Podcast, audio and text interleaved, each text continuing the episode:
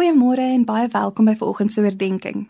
Ek onthou toe ek, my man en sy ma eenmal in Rusland op die metrotrein geklim het om Moskou bietjie te verken. Ons was oortuig dat so tussendeur ons kaart en die Russiese skrif ons die regte stasie gekies het waar ons wou afklim. Min het ons op daardie oomblik geweet dat ons die regte stasie totaal en al mis en tot by die einde van die lyn gery het waar ons toe moes afklim. Eers was ons effe omgekrap want die kaartjies kos geld en ons mors tyd deur so ver van koers af te gegaan het. Maar toe sien ons waar ons is. Daar eers in Moskou, wat as geen toeriste aantrekking gemerk is nie, is die pragtigste toegesneeude park. Ek het maar nog min ervaring van sneeu gehad en die spierwit bome en sagte sneeu wat oral gelê het was ongelooflik en dit op 'n verkeerde stop ontdek. Dit is so interessant hoe dit soms ook die onderbrekings of ompaaie is wat ongelooflike haltes in ons lewens word. Ek dink aan Paulus wat daar op die eiland Malta uitspoel toe hy eintlik op pad Italië toe was. Hierdie ompad word op die ou einde 'n bedieningspunt vir 3 maande en dit wat gebeur is verstommend. Paulus het koud gekry en vuur gemaak. Die hitte maak dat 'n slang uitkom en hom pik. Hy skud die slang af en kom niks oor nie. Verbeel jou hoe dit gelyk het. Indrukwekkend. Almal wat kyk besef daarin dan dat hier iemand bo-natuurlik aan die werk is. Hulle raak gereed om van God te hoor.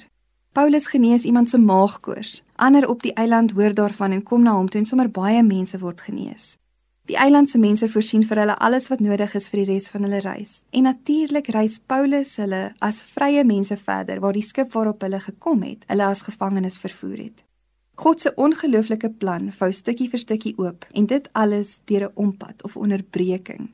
Wanneer laas het jy gestop vir die onderbreking wat oor jou pad kom of opgekyk en raak gesien waar daardie sogenaamde verkeerde stop jou heen lei? Is jy bereid om te aanvaar dat wanneer planne anders loop as wat jy gedink het, God dalk juis ook besig is om met jou en deur jou te werk? Dink byvoorbeeld aan jou kind wat op 'n ongeleë tyd by jou aankom en aandag vra, of 'n kollega wat ewe skielik hulp nodig het net voor 'n sperdatum. Ons kom soms onvoorsiens by 'n seisoen in ons lewe waarop ons nie voorberei is nie. Wat is in sulke gevalle en momente die uitnodiging vir jou? Hoe kan jy in hierdie oomblikke 'n tree neem om meer van God se teenwoordigheid in jou lewe raak te sien?